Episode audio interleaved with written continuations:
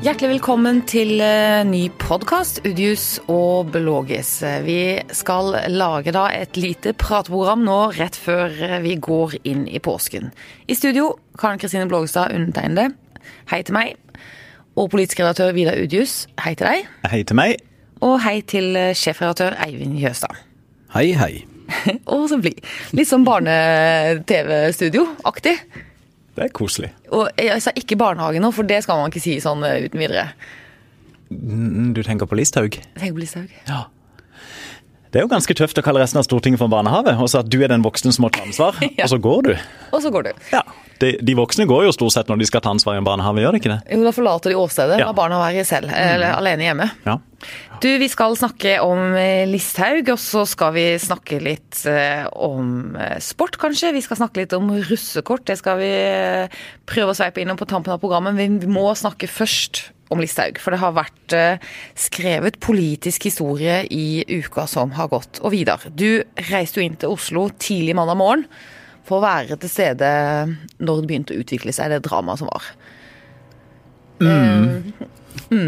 Og så er, nå er vi ved, i slutten av uken, og når du ser litt tilbake på dagene som har gått og debatten som har vært i etterkant, hvordan oppsummerer du? Det ser litt ut som liksom lufta har gått litt ut av han, merker du? Altså, oi, det har vært mye. Ja, Han har er mye.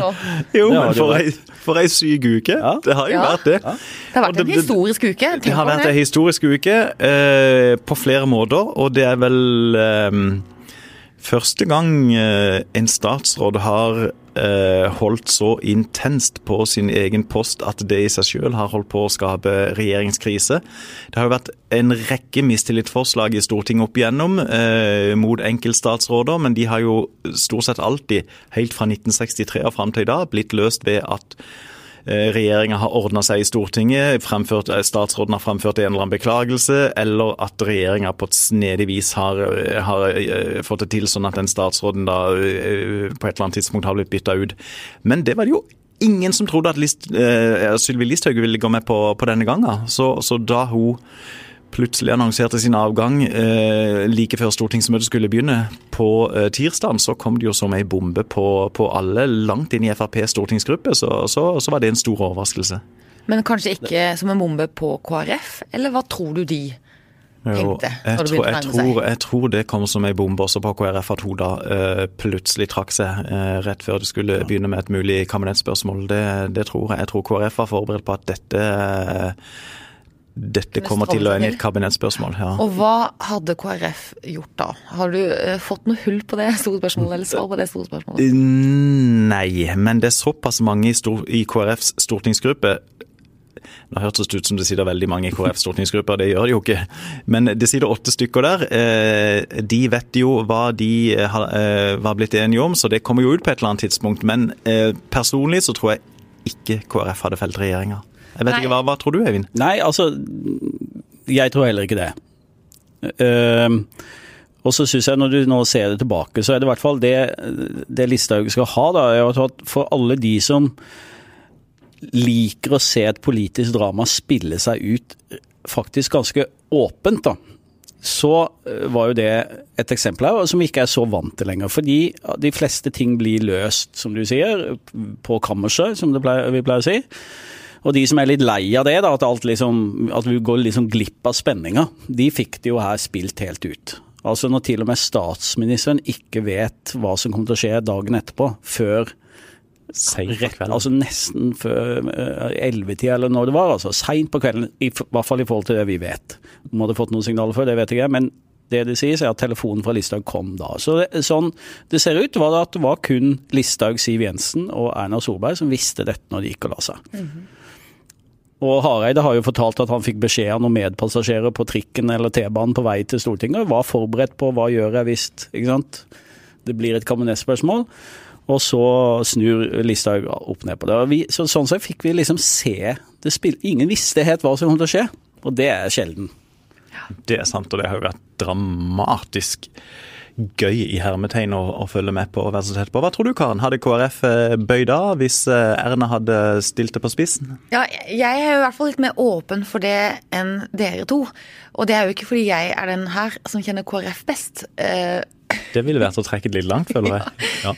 Men jeg tenker jo at for et nederlag han da hadde gått på, Hareide. Etter å ha gått så hardt ut og så spilt et så høyt spill, og så måtte stå og skape og bukke og si at eh, nei, ok, vi mente det kanskje ikke så mye, eller eh, Eller kunne han med ganske stor frimodighet etterpå ha sagt til sine velgere at vi prøvde alt det vi kunne å fjerne en statsråd som vi mener er helt uh, uakseptabel, men vi var ikke rede til å felle regjeringa på det? ja, men det er Jeg litt- tror det var strategien. Ja, men jeg føler litt at det, det kunne vært altså Nedsiden i det resonnementet er jo at uh, Ja, der klarte de ikke. Det, det, klarte det ikke, og da mente dere det ikke sterkt nok, så vi kan ikke helt eh, Altså, ja, jeg vet ikke. Jeg syns det hadde vært eh, Det hadde jo ikke vært Altså, han var sikkert veldig glad for at Listhaug gikk. Sjeleglad. Det kan vi tenke. Ja, det, det tror jeg ikke det er noen tvil om. Men eh, så Hareid ble sjeleglad. Men det har Jeg ikke tror, jeg tror rett og slett de aller, aller fleste, bortsett fra Sylvi Listhaug og rådgiver Teigen, ble sjeleglade. Men for at da eh, forskutterer du litt det jeg skal inn på nå, for hva skjer nå? Ja. Fordi at uh, Siv Jensen, Men- tenker men- du at hun var sjeleglad? For hun får jo nå altså verdens eh, største bråkebøtte i Stortinget, som kommer til å appellere til uh, veldig mange velgergrupper i, i Fremskrittspartiet. Litt avhengig av hvilken Og- post hun får i Stortinget. Ja, riktig? Litt avhengig av hvilken komité hun havner i. Men det er klart havner hun i finanskomiteen, så, så, så kan hun jo med stor rett si at eh, veldig mange spørsmål handler om eh, finansiering, eh, og derfor kan jeg mene noe om, om veldig mange spørsmål. Men det kan også tenkes at Sylvi Listhaug sjøl som alle tror er interessert i å bli Frp-leder etter Siv Jensen, at hun også ser seg tjent med å profilere seg på et annet område enn innvandring. Nå vet De som ikke vet hva hun mener om innvandring nå, de er ikke verdt å, å de får ikke med seg så mye. Nei, de Nei. får ikke med seg så mye. Og nå kan hun da med stor troverdighet eh, internt i Frp gå løs på andre saksområder. Hvis hun er interessert i å bygge litt eh, strategiske allianser fram mot et ledervalg i løpet av noen år. Hva tror du, Eivind? Kommer hun til å ta et skritt nærmere høyrepopulismen, eller kommer hun til å eh, prøve å sivilisere seg selv og, Nei, jeg og tror hun kommer til å holde ord på at hun ø, Ikke skal gå stille i dørene? Ja, at hun blir en meget synlig stortingsrepresentant. Og så tenker jeg i forhold til det med glad eller ikke glad i forhold til Frp. De, de har jo en tendens til å vinne på sånne ting. Og meningsmålingene etterpå har jo tyda på det. Um, uh, Listhaug kan fortsatt være en stemmesanker for Frp. Og personlig syns jeg det blir veldig spennende å se hvem Siv Jensen, og da selvfølgelig statsministeren, ender opp med som justisminister. Per Sandberg er ikke fremmed for å bli spurt om han kan være aktuell, iallfall. Nei, og det, og det vil jo være på en måte for eh, Siv Jensen liksom en forlengelse av eh, i hvert fall en type politiker som er nokså eh, Som kaller en spade en ja, spade? og som, er, som vi vet hvor vi har i innvandringsspørsmål. Eh, hvis hun velger en mer type moderat statsråd der, så vil det bli interessant å se hvordan det vil bli tolka av velgerne, først og fremst. da. Så, S- s- Samtidig som Per Sandberg, eh, da han var på Politisk kvarter i NRK, vår store konkurrent, Ja. eh, så eh, nå, fredag morgen, så, så kom han med en del interessante uttalelser i forhold til at eh, altså en grunn til at han ifølge seg selv nå tviler på om han vil bli justisminister, er at han vil ikke sette statsministeren i posisjon hvor hun må bruke tid og krefter på å svare på ting som ikke har noe med politikken å gjøre. På ting som detter ut av han, liksom? Jo, men og, og dette her var da ment på at han har en, en dom for, for slåssing eh, eh, etter et nachspiel Ja. for, for 16-20 år siden, eller hva det er. Men et sånt utsagn kan jo også tolkes som et spark til den forrige justisministeren, som skaffa statsministeren en haug med ekstra bryderi. Og, og som fiskeriminister ja, Godt eller dårlig tegn, men ingen har jo hørt noe til Per Sandberg etter at han ble det. Du, Hvor mye har denne saken skadet Erna Solberg, tenker du, Eivind? Ehm, hun har jo fått en del kritikk for at hun, her, hun takla det her dårlig. Ehm, jeg tror hun gikk på en sånn eh, smell som ledere kan gjøre av og til, at du, du tror du har kontroll på en situasjon, og du analyserer den sånn som du alltid har gjort, og tenker at dette kommer til å bli støy i dag og i morgen, og så blåser det over. Hun var jo for det, og Poenget mitt er at hun var jo ikke aleine om å ikke se hva som kom her. Så det er liksom Eh, Vi opphøyer Erna Solberg til noe voldsomt hvis vi tenker at, eh, kritiserer for at hun burde sett det som ingen andre så. Eh, det var ingen i media som så det, det var ikke noen andre politikere som så det heller. Dette var en, en Facebook-post som, som tok helt uante dimensjoner. Eh, og som til slutt altså endte med at eh, justisministeren måtte gå. Og så er det jo underveis der, så kan det være Så burde Erna tidligere ha skjønt eh, at dette må vi håndtere på liksom alarmnivå. Men media så du, Eivind, for at vi, det ble jo saker i media av Facebook-posten. Ja, Men, men, men det var veldig få som så også på Stortinget så var det ganske få som så, uh, som så det komme da Jonas Gahr Støre plutselig sa at uh, etter at Sylvi Listhaug var i Stortinget og, og, sa unnskyld på en måte som gjorde at hun måtte opp igjen og opp igjen opp igjen på talerstolen. Og det, var, øh, og det var veldig få på forhånd som så at Jonas Gahr Støre da skulle bli så provosert at han gikk ut i vandrehallen og sa at ja, det mistillitsforslaget som ligger i Stortinget, det kommer vi sannsynligvis til å stemme for. Det støtter vi, ja. Wow. Og så var det, og så sto det da på Senterpartiet og KrF på fredagen. Så var det ganske få i KrF som så at Senterpartiet kom til raskt til å si at ja, vi stemmer også for det mistillitsforslaget. Og plutselig så sitter KrF der med ja, med en joker-svarteper, eh, svarteper. De tenkte iallfall langt inn i KrF at Senterpartiet kommer også til å bruke tid på dette her, og det er langt fra sikkert at de kommer til å ende på den konklusjonen som de da gjorde. Men hva var det som var det politiske selvmordet? Var det Facebook-posten, eller var det eh, fire litt halvfølte, kanskje, unnskyldninger i Stortinget? Det, det, det, det utløsende selvmordet, går det an å si det, var, var opptredenen i Stortinget. Hun hadde alle muligheter til å legge seg flat og komme med en reell beklagelse. Hadde hun gjort det, så, så hadde alle sett seg tjent med at uh, livet skulle gå videre. Men det er klart den første handlinga var jo den som, som, eh, som, utløste det hele. Kan jeg bare spole litt tilbake igjen i forhold til at jeg mener de aller fleste på Stortinget syns dette var en god utgang. Så tenker jeg også at selv disse partiene som stemte for et mistillingsforslag, var ganske lite interessert i å ta over regjeringsmakten. Ja. Det er det vel grunn til å tro. Det har de vel sagt eh, rett ut, eh, mer eller mindre. i. I det vi nå kjenner til, ikke alle detaljer, men, men også som har vært en del av det, har jo, det har jo kommet fram at det har vært kontakt mellom da sjefen, statsministeren, og Sylvi Listhaug om nå må du rydde opp. Hvis du da ikke gjør det, så blir det jo et dilemma, da. Som er også interessant med en sånn flerpartiregjering, ikke sant. Eh, Hvem rapporterer Sylvi Listhaug egentlig til? Til seg selv, til Siv Jensen, til Einar Solberg? Hvem er det som skal bestemme? Ikke sant? Altså det vil jo, I enhver organisasjon så er jo det interessant. Hvis jeg ber deg beklage noe, Karin, og så gidder du ikke gjøre det, så, er, så vil vi diskutere det, men vi vil ha et problem oss imellom. Hører du hva han sier nå?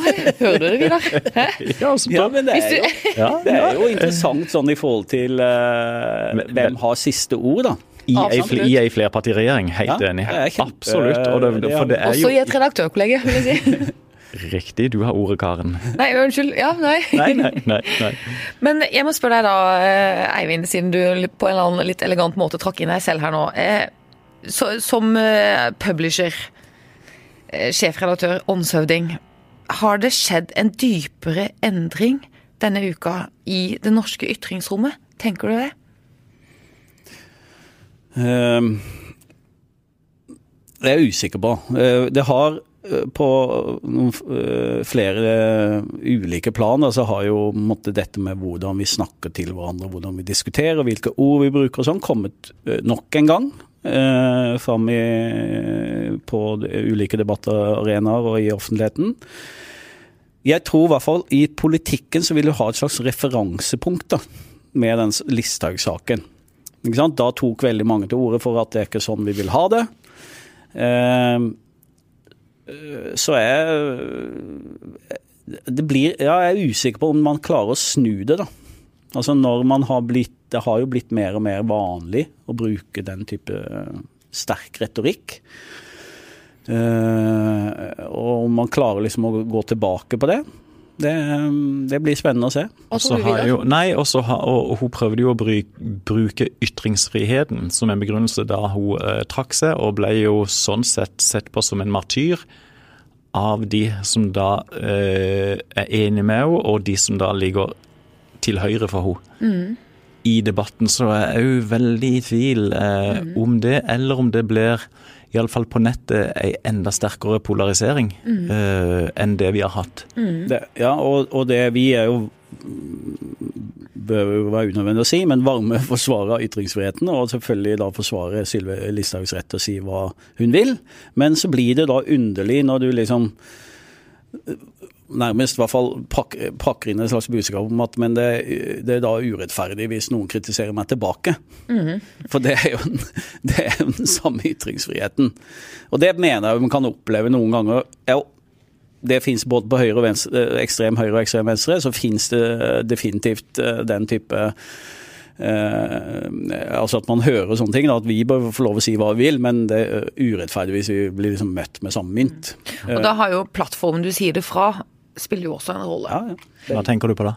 Nei, At hun er, sitter i statsrådsstolen, og at hun er ikke liksom hvem som helst som debatterer i kommentarfeltet på nettet. Ikke hvilken som helst statsrådpost heller. Og heller ikke hvilken som helst statsrådpost, fordi hun da blir beskyldt for å nøre opp under det hatet som fins i stor grad mot Arbeiderpartiet. Og det hatet kan føre til handling og sånn og sånn. Og det puster hun på, og hun skal være beredskapsminister, justisminister, trygge alle innbyggere i Norge. Men hva tenker du om ditt eget spørsmål, Karen, om dette har gjort noe, om denne uka har gjort noe med rommet? Eh, skal jeg begynne å svare på mine egne spørsmål? Eh, jeg, er, jeg tror jo Altså, det, jeg tenk, det som jeg har tenkt at jeg håper på, er at eh, det kanskje har bevisstgjort en del eh, lyttere, en del velgere, en del innbyggere. At de har begynt på en måte å tenke litt mer gjennom eh, debatten og retorikken som foregår på nettet, på Stortinget og i Politisk kvarter eller i Udius og Bloggis, for den saks skyld. Hmm. Uh, Tired of ads barging into your favorite news podcasts? Good news. Ad-free listening is available on Amazon Music for all the music plus top podcasts included with your Prime membership. Stay up to date on everything newsworthy by downloading the Amazon Music app for free or go to amazon.com slash news ad free. That's amazon.com slash news ad free to catch up on the latest episodes without the ads. Få trekke frem noen av de fremste arenaene. Altså, sånn At det på en eller annen måte kan være en sånn bevisstgjøring, det, det tenker jeg kanskje at det kan ha vært. da, At folk tenker litt gjennom hva gjør hun egentlig nå, hva slags hersketeknikk er det? Tillegger hun Gahr Støre intensjoner han ikke har, eller motsatt? ikke sant? Eh, men La oss håpe det. Ja, jeg håper litt det. Men, men, så er det jo en stor fanklubb eh, Eller altså de som er langt til høyre, langt til venstre, de tror jeg det er vanskelig å dytte på eller lirke eller snu i noen retning. Men at det bevisstgjør en litt sånn eh, taus, stor masse som lever sine vanlige liv, det, det, håper jeg kanskje at det har gjort. da. Mm. Men den politiske debatten tror jeg vil være tøff som før. Kanskje faktisk dessverre enda mer polar polarisert. Skal, ja, skal jeg få avslutte denne sekvensen, da? Lurer på det. Det ble en sånn naturlig uh, pause her nå, som, hvor, hvor, vi sitter og grunner litt på det siste du sa. Alle fikk, eh, fikk litt å tygge på? Ja. Mm. Litt sånn voksen avslutning. Ja. på en barnehageprat. Ja. Um, men vi, skal vi se. Da skal vi uh, lage overgangen som følger, kolon. Det er jo ikke bare Vidar Udjus, vår politiske redaktør, som har vært i Oslo denne uka. For det har også du, Eivind, vært, og jeg har vært det. For vi har uh, spist middag med Agderbenken eh, på Stortinget. Det er jo noe vi har Sørlandsbenken. Så, ja, det er hver gang jeg skal si det, så tenker jeg er det Sørlandsbenken bytta, De har bytta ja. navn, og iallfall uh, hver gang jeg sier det feil, så får jeg altså påpekning av Åse Michaelsen, som nå i tillegg har blitt statsråd. Så uh, jeg, jeg, vil ikke ha den korreksen fra en statsråd. Nei, rett og slett. Og det er igjen, og ord er viktig, Vidar. Har, ja. Eller Karen, mener jeg. Ja, det ligger makt i ord, Karen. Jeg skal tenke meg mer om, men hver gang jeg skal si det, så husker jeg ikke om det er Agder eller så jeg, Altså, det går i ball alltid. Mm. Eh, beklager. Eh, disse stortingspolitikerne prøver jo vi å, å, spise en middag med hvert år, for det syns vi er nyttig. Eh, snakke litt sånn bakgrunn med dem. Hva er det som rører seg? Hva jobber de med? Hva er deres lange planer og, og lange tanker og sånn? Og den middagen var jo spesielt interessant denne uka når det hadde vært så mye ståhei i Stortinget. Og vi snakket jo litt om Listhaug-saken der også. Mm. Men uh, vi fikk jo ikke ut så mye nytt, og det prøvde vi vel kanskje ikke på heller, men uh... Jeg satt ved siden av Hans Fredrik Røvan og prøvde alt det jeg kunne å få ut litt sånn ja. uh, secrets, hva de egentlig hadde tenkt internt i KrFs gruppe. Klarte det ikke. Nei. Nei. Og han var jo nær prosessen. Han var nær prosessen, absolutt. Han hadde noen travle dager. Veldig. Men det var fornyttes, det med å anlegge en litt sånn kameratslig tone. og ja. Eh, hva sitter du igjen Nei, altså vi, vi, har jo alltid litt sånn når vi skal Det er liksom formelt uformelt eh, samvær. Eh, så vi hadde liksom diskutert litt med Svein Harberg, som er jo leder for sørlandsbenken. Eh, noen temaer og sånn. Det var jo fordi vi planla dette for lenge siden, så det var jo lenge før Listhaug-saken kom. Så det var en veldig god timing. Eh, så det var jo ikke vanskelig å ha noe å prate om. Så det ble en sånn prat om politikk og sånn. Men, men de har jo eh, de er jo våre fremste politikere på vegne av landsdelen, og da er det interessant å høre om hva de er opptatt av. Og en ting de har flagga, i likhet med lokale politikere, er jo dette med utenforskap og den, de problemene som preger den landsdelen. Det hadde vi en veldig interessant diskusjon om.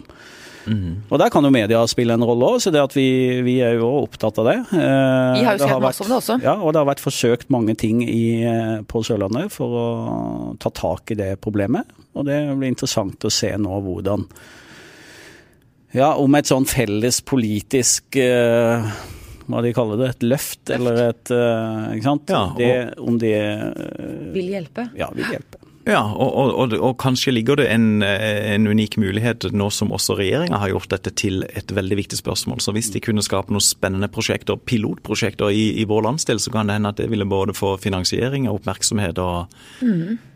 Gode effekter, forhåpentligvis. Ja, for er det et eller annet sted som burde være laboratorium for hvordan vi skal få bukt med utenforskapet, så er jo det kanskje Agder? Det bør jo absolutt være det. Vi har jo tidligere skrevet saken om 40 000 sørlendinger, sørlendinger som står ut forbi arbeidsmarkedet, og at det da under 30 år så tilsvarer dette her, her 80 eh, skoleklasser med unge mennesker som ikke har noe å gjøre. Det er jo helt mm. dramatiske tall. Et generelt trekk ved utviklingen av vårt samfunn er jo at veldig mange får, har, får det bedre. Det er fortsatt velstandsøkning, men samtidig blir gapet til de som faller utenfor, større. Mm. Det gapet så du ikke så tydelig før når vi vokste opp, men det ser du veldig tydelig nå.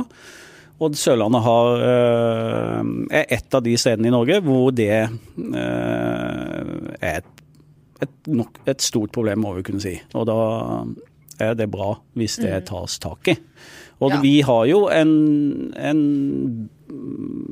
sørlandsbenk nå som jeg opplever sitter tettere på eh, makt enn på veldig lenge. Mm. Eh, det har vært en fornyelse av den benken, og det, det eh, jeg opplever at det er en del De vil noe, og, da, og de har også innpass. For det tror jeg må til for at du skal få en type bevilgninger eller eh, satsing fra sentralt hold, så må du sitte tett på. Og så har vi jo da en statsråd, eh, en statssekretær i Kommunaldepartementet, og vi har eh, to parlamentariske nestledere, Grøvan og Harberg, og en nestleder i et parti, Kjell Ingolf Ropstad. Så Mm. Vi, har, uh, vi, har, armer inn i, uh, inn i, prosessene her. Ja, Vi burde ha litt muskelproblematikk. ja, men det er bra. Mm. Da kommer vi sikkert til å snakke mer om det også i denne podkasten, for det har vi vært innom mange ganger før også. Det har jo ringvirkninger inn på flere felt. Men over til en annen uh, liten sånn snakkis på tampen av denne uka, fordi Eivind for eksempel, for å ta et helt vilt eksempel. Mm. nå er jo du sjefredaktør i Fjellandsen, men jeg mistenker at da du ble ansatt, så var det ingen som sjekket hva som sto på russekortet ditt. Hvorfor spør du det, Karen? Hva er, hva er bakgrunnen for spørsmålet? Å, oh, oh, det var gøy. Hadde du spurt ja, om det? Ja. Jo, fordi at VG laget jo en sak i går på eh, russekortet til Jonas Gahr Støre.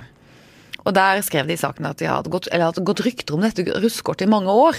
Og nå har de endelig fått sett det selv, eh, liksom. Og der eh, sto det vel at det er bedre å være det er bedre å være rik og frisk enn syk og fattig. Ja. det var slagordet til Støre, Støre på Og russekortet.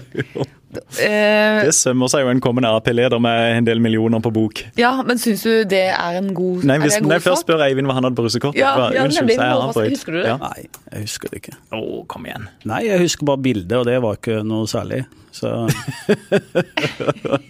så du, du kan, jeg, kunne, jeg kunne vise det, men jeg husker ikke hva som sto på det, må jeg ærlig innrømme. altså. Nei, skal, ja. ja, fortell ditt. Nei, på, Jeg husker ikke hva som sto på russekortet mitt. For jeg husker jeg forfattet noe på russekortet mitt som jeg syntes var morsomt. Og så var det noen uh, teite gutter i klassen som hadde vært inne og tøysa masse med min bestilling på russekort. Så når jeg fikk russekortet, så var det noe helt annet som sto. Hacka russekort? Hacka russekortet mitt. Yeah. Det var helt ubrukelig og utrolig vulgært, så vidt jeg husker det. Men, uh, oh, ja, så det gikk i den retninga, faktisk, ja. Så, sånn endte ja. det. Så russekortet mitt uh, har jeg ikke noe sånn Jeg husker ikke hva, som, hva det endte med. Nei.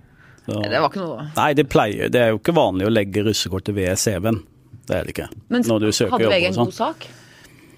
Jeg tror, jeg vil tippe sånn VG har tenkt, så har de helt sikkert rett i at det har vært en snakkis. Ja. Um, og så når de da har fått tak i det russekortet, så har de helt sikkert vurdert at ok, la oss, eh, hvis det er en snakkis, her er det. Leserne får vurdere sjøl. Hva syns du, Vidar, om den saken? Jo, på det nivået som VG presenterte han som, så syns jeg det var en OK sak. Men syns du det var muntert nok? Eller, jeg følte jo at de skrev det med et visst alvor, liksom. Å ja, sier du det? Ja, ja OK, jeg leste den eh, med litt sånn smil om sånn munnen, Skjeit. men ja. eh, ja. ja. Nei, for jeg vil si eh, ja, nei, for ellers så tenker jeg at når du er 55-60 år og hva du hadde på russekortet, at det da er en, li- det er en liten sånn, det er nærmest en sånn raritetssak. Ja, men Ga Jonas Gahr Støre er under hardt press. Han får vanvittig mye kritikk. Eh, Mye hat, trusler. Ja, det òg, men, men, ikke- men hvis du ser nå på hva han leverer som politiker, da, i forhold til å klare liksom å få fram arbeiderpolitikk, ikke sant? så er det grunn til å stille spørsmål ved hvor godt han lykkes med det. Samtidig så har han hele tida hengende over seg den bakgrunnen sin. Eh, og da kan du jo stille hvor godt har han vært, god har han vært til liksom å troverdig tre ut av den bakgrunnen og være liksom en Arbeiderparti-høvding, da. Og der har han jo ikke sant, øh, innrømt at han har stemt Høyre tidligere. Han har til og med søkt jobb i Høyre. Han har det, er, det er liksom i rekken av det at det russekortet har, har en viss interesse. Det, det syns jeg òg. Så det, det- henger sammen med liksom Ja, gjørma Jonas Gahr Støre står i, da. Ja, jeg synes bare russekort synes jeg på en måte vi må prøve å holde Han kunne jo svart sånn som, sakene, eh, det han kunne jo svart sånn som det sies at mentaliteten er i Russland i forhold til Stalins ugjerninger, at det, det er ikke sant, og dessuten er det lenge siden. Ja. Men burde man, man burde jo kanskje prøve å finne ut hva som sto på russekortet. Erna Solberg eller Audun Lysbakken eller uh, Hareide eller Det har nok vært sjekka rundt forbi, tror du ikke det? Det er ikke så interessant. Det er ja. ja. Nei, så var bare jeg som reagerte på den saken. Nei, jeg er litt sånn in between, for jeg syns nettopp det som Eivind sier, også tilsier at en skal ha en eh, veldig grundig vurdering og en eh, varsomhet i forhold til hva, eh, hvor grensa går i forhold til hva som er relevant. Sånn at ikke det på en måte bikker over og blir eh, litt sånn heksejaktaktig. Men jeg syns han var veldig fint løst i VG. Ja, riktig. Ok, da går vi over til sport. Eh, Jeg gidder ikke snakke mer politikk med dere. Eh, Det har skjedd store endringer på sportsplaneten i Kristiansand denne uken også. Eivind, fortell. Eh, ja. Eh, det viktigste denne uka er jo at Vipers har fått ny trener. Og ifølge de som har greie på det, den beste treneren de kunne fått, Ole Gustav Jekstad. Eh, merittert trener, fra, særlig fra en tid i Larvik. Så vi har liksom i Vipers eh, drøm om å bli det nye Larvik, så har de nå henta han som var med på å bygge opp Larvik, så det må jo bra. Det interessante er at de to store lagene vi har i, i Kristiansand og på Sørlandet, Start og Vipers, de er jo på en bølge. De satser jo, og det er jo utrolig mye gøyere enn det motsatte. Så um, Vipers er på god vei til å er PT kanskje Norges beste Eller de er vel Norges er beste veldig- ja, håndballag. ja. Mm. Så hvis Start uh, følger opp og blir Norges beste fotballag, så er det jo gøy for uh, Og på mannehåndballfronten så har vi jo ØIF. Ja, definitivt. Og det var, hyggelig at, du, det var Ja. hyggelig at du husket på, Det er Norges beste håndballag på herresida. Ikke sant? Men eh, Vidar, går du på Vipers-kamper, eller går du bare på Start-kamper? Eh, jeg går uh, alltid på startkamper, og uh, av og til på Vipers-kamper. Gjør du det? Ja. Mhm. Mm. Og du Eivind går også på håndballkamper av og til? Ja. Spør meg da om jeg har vært på ØF-kamp. Nei. Det har du. Jeg har det. Ja. Jeg har det. Ja. Og det syns jeg var bare såpass sterkt at det la jeg ut på Instagram og sånn også. Det måtte Du, dokumenteres. eh, etter et av de eh, spørsmålene vi diskuterte litt over bordet på den nevnte middagen med sørlandsbenken, det var jo Betyr det noe som helst for folk som bor i Kristiansand om ØIF gjør det bra? Det svarte jo Eivind nokså tydelig på. Ja. Det var jo etter at du mente at Start var kjempeviktig for alle som bodde på Sørlandet. For hele landsdelen. Ja, det, og det er bevist. Ja, Og da holdt jo vi på å sette kaffen i halsen. ja jeg er jo Ja. kan jo, altså De som er interessert i fotball, tror jeg har, og er det mange både i Aust-Agder og langt vest i Vest-Agder som har Start som sitt favorittlag, Ja. og har reist til Kristiansand for å se toppfotball. Eh, men det er nok færre enn altså, Å si at Start liksom bygger landsdelen sammen, Én faktor, for noen folk er det sånn.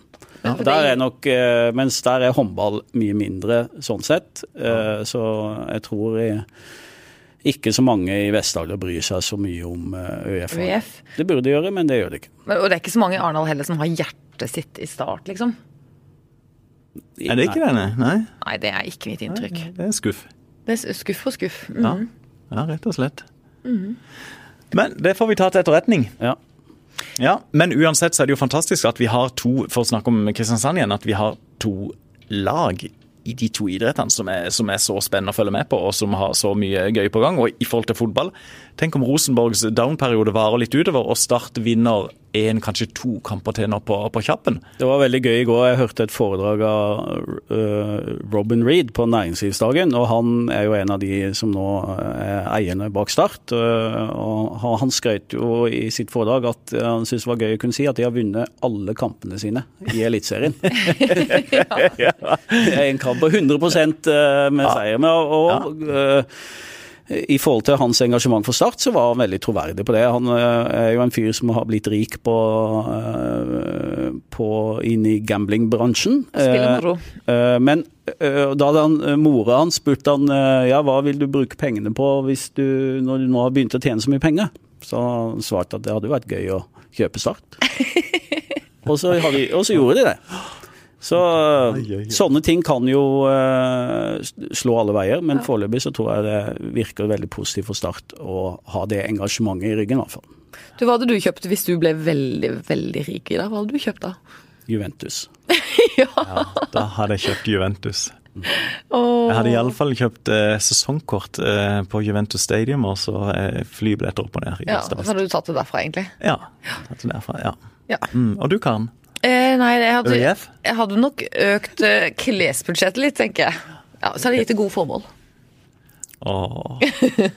God påske er det vel. hva det sier. Muligens en eh, ny båt, kanskje noe sånt. Ja. Du, Hva skal du i påska, da, Eivind? Jeg vet hva Vidar skal, men hva skal du? Nei, altså jeg har nokså tradisjonelle planer med å øh, oppsøke snø og gå på ski. Ja. Så jeg har litt sånn øh, forhold til det år. For det at øh, de andre foregående vintrene, har vært så dårlige dårlig vintre, så har det sett veldig fram til å Ja. gå på ski, liksom. Men i år har vi jo gått på ski i månedsvis. Så Vil du snakke ikke om dine- mye, trakter ikke så mye til det nå. Nei, jeg vil ikke snakke Vil du om snakke det. om men jeg vil, Hovnetur? øh, Det vil Eivind vil ikke ja, jeg hadde en litt forblåst Hovnetur. skitur på Hovden forrige helg, det må jeg innrømme. Men eh, det Men du tror hadde jeg blir godt humør hele veien likevel? Blitt- Not. Nei, det blir fint. Det blir fint. Nei, men vi må jo opp og møte våren på Hovden. Ja. Ja. Det, det, De, de melder jo rett og slett en ny kuldeperiode, også her i, langs vår kjære kyst. Har du det er etterlengta, tror jeg. Det, At det skal bli litt kaldt nå. Ja. Fire-fem minus på dagtid og sånn igjen nå til uka. Ja. Men har dere sett værvarselet på fjellet eller i Indre Agder for eh, dagene litt ut i neste uke? Det ser smått fantastisk ut. Det det? altså. Det Ja, er det er sol fint. på sol på sol på sol, og litt kjølig, så Men hvis det blir eh, fint vær òg her langs kysten, hvor folk flest er Men du er jo sånn hagemenneske, Karin, så du skal være hjemme og Det er ikke så Tenkte jeg at jeg er blitt det. Det hadde du ikke trodd, Eivind. Jeg er litt sånn hagemenneske, men jeg er jo også veldig glad i å gå på ski, Men er ikke hagen din full av snø ennå? Hagen er full av snø. Så det er ikke Masse snø. Da må jeg gå ut med føner og tine opp bedene hvis jeg skal få gjort noe der. Det, så det skal jeg ikke. Jeg skal gå på ski. Vi håper alle lytterne også får en eh, veldig fin påske, og at, de gjør det, at dere gjør det dere liker aller best. Så høres vi igjen, Udius og Bloggis, etter påske. God ferie.